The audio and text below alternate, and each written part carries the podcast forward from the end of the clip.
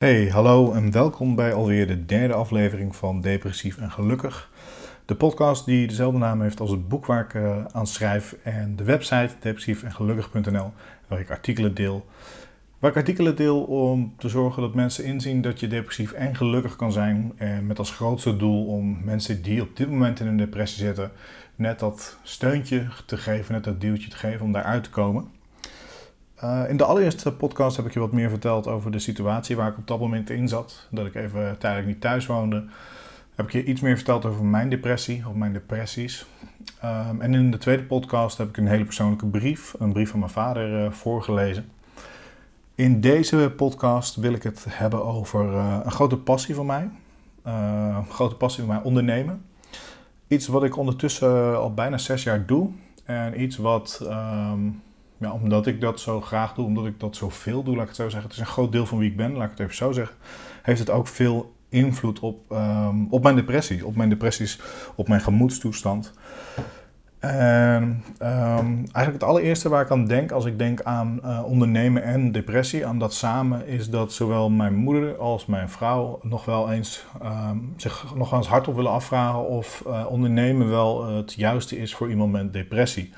Um, of, of misschien beter gezegd, of het het juiste is voor mij en dan grotendeels vanwege mijn depressie. Of dat dan dat wel goed is, omdat je met, of ik, laat ik het zo zeggen, omdat ik met mijn depressies nog wel eens heel erg kan hebben dat ik onzeker word. Of ja, gewoon heel erg onzeker ben van of het allemaal wel gaat lukken, um, of ik wel op het juiste pad zit.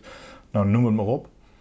En um, ja, wat ik daarbij. Wat, daar vind, ik vind het moeilijk, omdat um, ik denk dat ik met mijn verstand best wel zou kunnen toegeven dat het uh, niet altijd de beste keuze is om uh, te ondernemen als je depressief bent.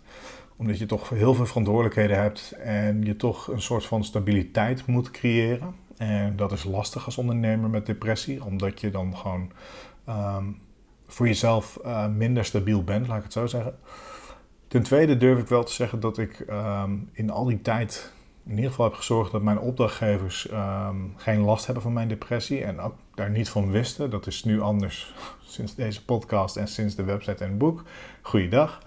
Um, maar het, het, het, is wel iets, het, ja, het is wel iets, laat ik het zo zeggen. Het is wel een dingetje. Uh, er zitten gewoon heel veel voordelen aan. Er zitten voordelen aan in de zin van dat je je eigen tijd kunt indelen. Dat is natuurlijk voor iedereen een voordeel. Maar in de zin van als je een depressie hebt, dan zou je bij wijze van, als je daar je verdienmodel, verdienmodel zo op ingeeft, uh, twee weken er tussenuit kunnen gaan en zorgen dat je gewoon weer je dingen op een rijtje krijgt. Um, dat is eigenlijk precies hetzelfde wat ik dus gedaan heb. Ik ben er ook gewoon tussenuit gegaan. En dat kon uh, onder andere omdat ik een buffer had, maar ook wel door mijn verdienmodel ga ik je verder nu niet meer lastigvallen. Dat, uh, dat, dat, heeft, dat is weer een hele andere podcast. Maar in ieder geval, um, dus ja, het heeft voor- en nadelen. En een dingetje wat ik me eigenlijk sinds mijn laatste depressie, ik had daar echt al wel eerder over gehoord, ik had er eerder over gelezen. Maar wat ik me heel erg sinds mijn laatste depressie um, heb vastgebeiteld, wat ik heb vastgebeiteld, of hoe wil je het zeggen, vastgenageld eigenlijk, is do what you love. En ik heb daar ook een heel kort artikeltje over geschreven op uh, en gelukkig.nl. Um, en wat ik zeg, iedereen kent het verhaal en iedereen die weet het wel, maar je moet echt doen wat je leuk vindt. En um, als ondernemer, niet alleen als ondernemer, maar even als ondernemer zitten er ook absoluut dingen bij die minder leuk zijn. Denk aan administratie. Misschien vind je het niet leuk om te verkopen, vind je het zelfs moeilijk. Um, dan moet je even naar mijn website, want dan maak ik een sales funnel voor je. Maar nee, maar misschien, uh, er zijn absoluut dingen die, die minder leuk zijn. Maar zorg er nou voor dat het overgrootste deel van wat je doet voor, je, voor geld, dus wat, je, wat je doet om geld te verdienen, dat je dat leuk vindt. En dat kan echt. En ik merk dat ik dat heel lang wel heb gezegd en ook heb gedacht dat ik dat deed. Maar dat ik toch te veel bezig was met of met geld verdienen of met wat ik dacht dat er nodig was om te ondernemen. Uh, ik had sowieso echt vanaf kinds af aan dat ik een heel vreemd beeld eigenlijk bij ondernemen. En ik merk als ik dat met andere mensen erover heb, dat dat uh, wel een vreemd beeld is, maar dat meer mensen het hadden, laat ik het zo zeggen.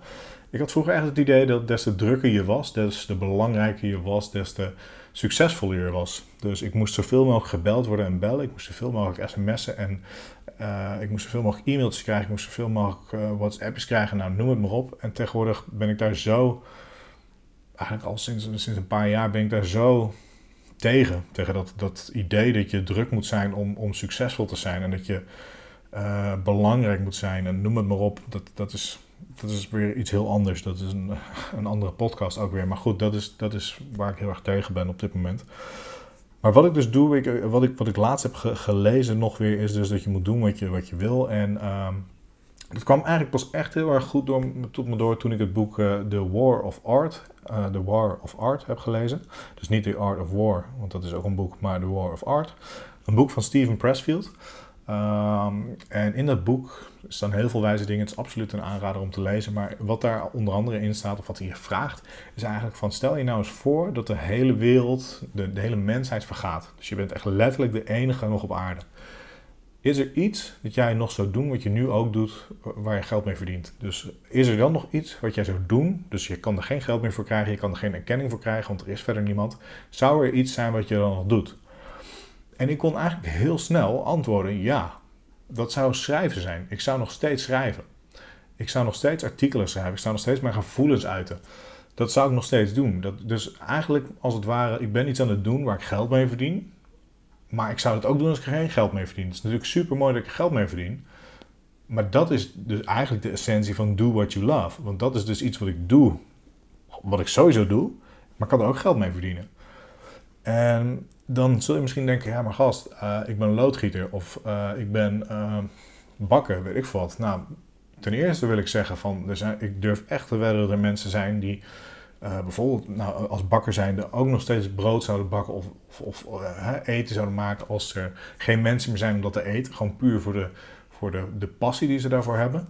En als loodgieter kan dat ook. Ik kan me ook voorstellen dat je, daar, ehm, dat, je dat moeilijk vindt om, om te beseffen. En het kan ook zijn dat jij loodgieter bent. Dat je zegt van gast, dat uh, is absoluut niet mijn passie. Dat kan. Maar dat betekent dus dat je misschien moet gaan kijken of je niet iets anders moet gaan doen. En um, dat kan heel eng zijn. Dat kan heel eng zijn omdat je toch geld nodig hebt. Maar dat is misschien wel een beetje een van de betere dingen die me dankzij mijn depressie is overkomen. Is dat ik um, zonder medelijden te willen of zo, maar heel veel ben verloren de afgelopen maanden. Ik heb, in 2018 heb ik mijn beste jaar ooit gehad als ondernemer. En 2019 uh, eh, volgens mij tot nu toe echt mijn slechtste maand.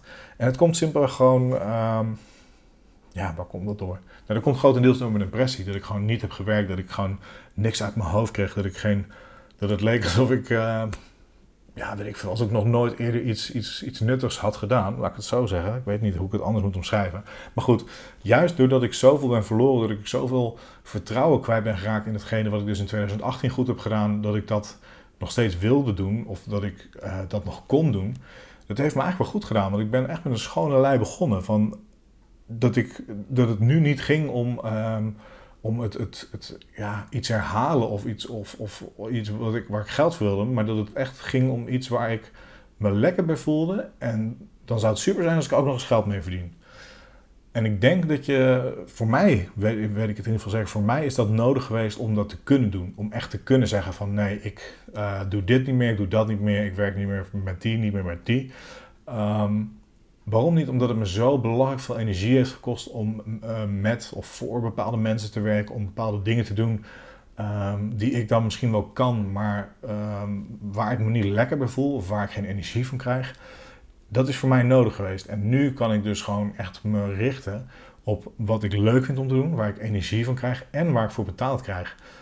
En uh, het is ook een dingetje, misschien heb je dat wel eens eerder gehoord als je ergens over persoonlijke ontwikkeling leest of zo. Maar mensen die uh, hebben een, een, een winst-verliesaversie. in de zin van dat mensen die zijn meer bereid om iets te doen om niet te verliezen, dan dat ze moeite willen doen om iets te winnen.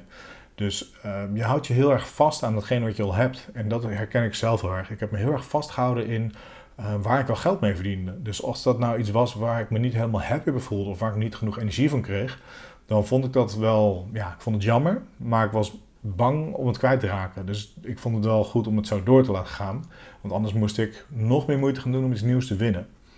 En als het lot of wat dan ook bepaalt dus dat je die dingen toch kwijtraakt, wat dus mij de afgelopen, ja, ik denk het afgelopen half jaar wel gebeurd is, dan is het eigenlijk een beetje in mijn geval dus een, een zegen is misschien weer iets te overdreven, maar dan, dan komt dat goed uit. Dan komt het goed uit omdat je dan gedwongen wordt om terug te gaan naar de basis. Om te kijken van oké, ja, heel hard gezegd, je hebt nu niks. Wat wil je? En dan maakt het dus niet uit of ik nog weer moeite ga doen om hetgene wat ik had nog weer opnieuw te gaan krijgen. Of ik ga nu echt zeggen van hé, hey, Maar wat ik aan het doen was, ehm, dat was eigenlijk helemaal niet wat ik wilde. Dus kan ik nu toch dit moment, deze kans gebruiken om te zorgen dat ik dingen kan gaan doen die ik wel leuk vind. Dus wat ik eigenlijk vooral wil zeggen, en ik denk dat iedereen dit in essentie weet, maar denk goed na bij wat je doet. Ehm, in de zin van wat je doet voor, voor, voor je geld eigenlijk. Het klinkt heel basaal misschien, het klinkt heel plat, maar het is wel gewoon zo. Denk goed na wat je doet voor je geld. Ben je een loondienst? Ben je daar gelukkig? En, uh, want eh, ik, ik, ik ben helemaal gelukkig als ondernemer. Ik vind het super dat ik uh, de vrijheid heb. Ik heb af en toe natuurlijk moeite met, met verantwoordelijkheden, met, met discipline, met noem het maar op. Maar niet dusdanig veel moeite dat ik het niet meer zou willen. En ehm, wat, ik, ja, wat ik eigenlijk vooral wil zeggen is kijk voor jezelf. Want het is niet zo dat de een die schrijft dat, uh, dat dit geweldig is eh, om te ondernemen. De ander die zegt, nou geef mij maar de zekerheid van een baan. Uh, zeker als ik een gezin heb. Nou, noem het allemaal op. Overal is iets voor te zeggen. Maar kijk dus vooral naar jezelf. Waar word je gelukkig van? Stel jezelf die vraag. Van stel nou dat ik als enige op aarde zou zijn. Wat zou ik nog doen? Of wat zou ik, waar zou ik nog voldoening uit halen? Dus waar, wat, wat kan jij voor jezelf doen waar je niets van anderen nodig hebt? Dus geen geld, geen erkenning, geen respect. Wat je echt zelf, ja, wat jou zelf voldoening geeft. Als je daar je geld mee kan verdienen, al is het maar een deel van je geld.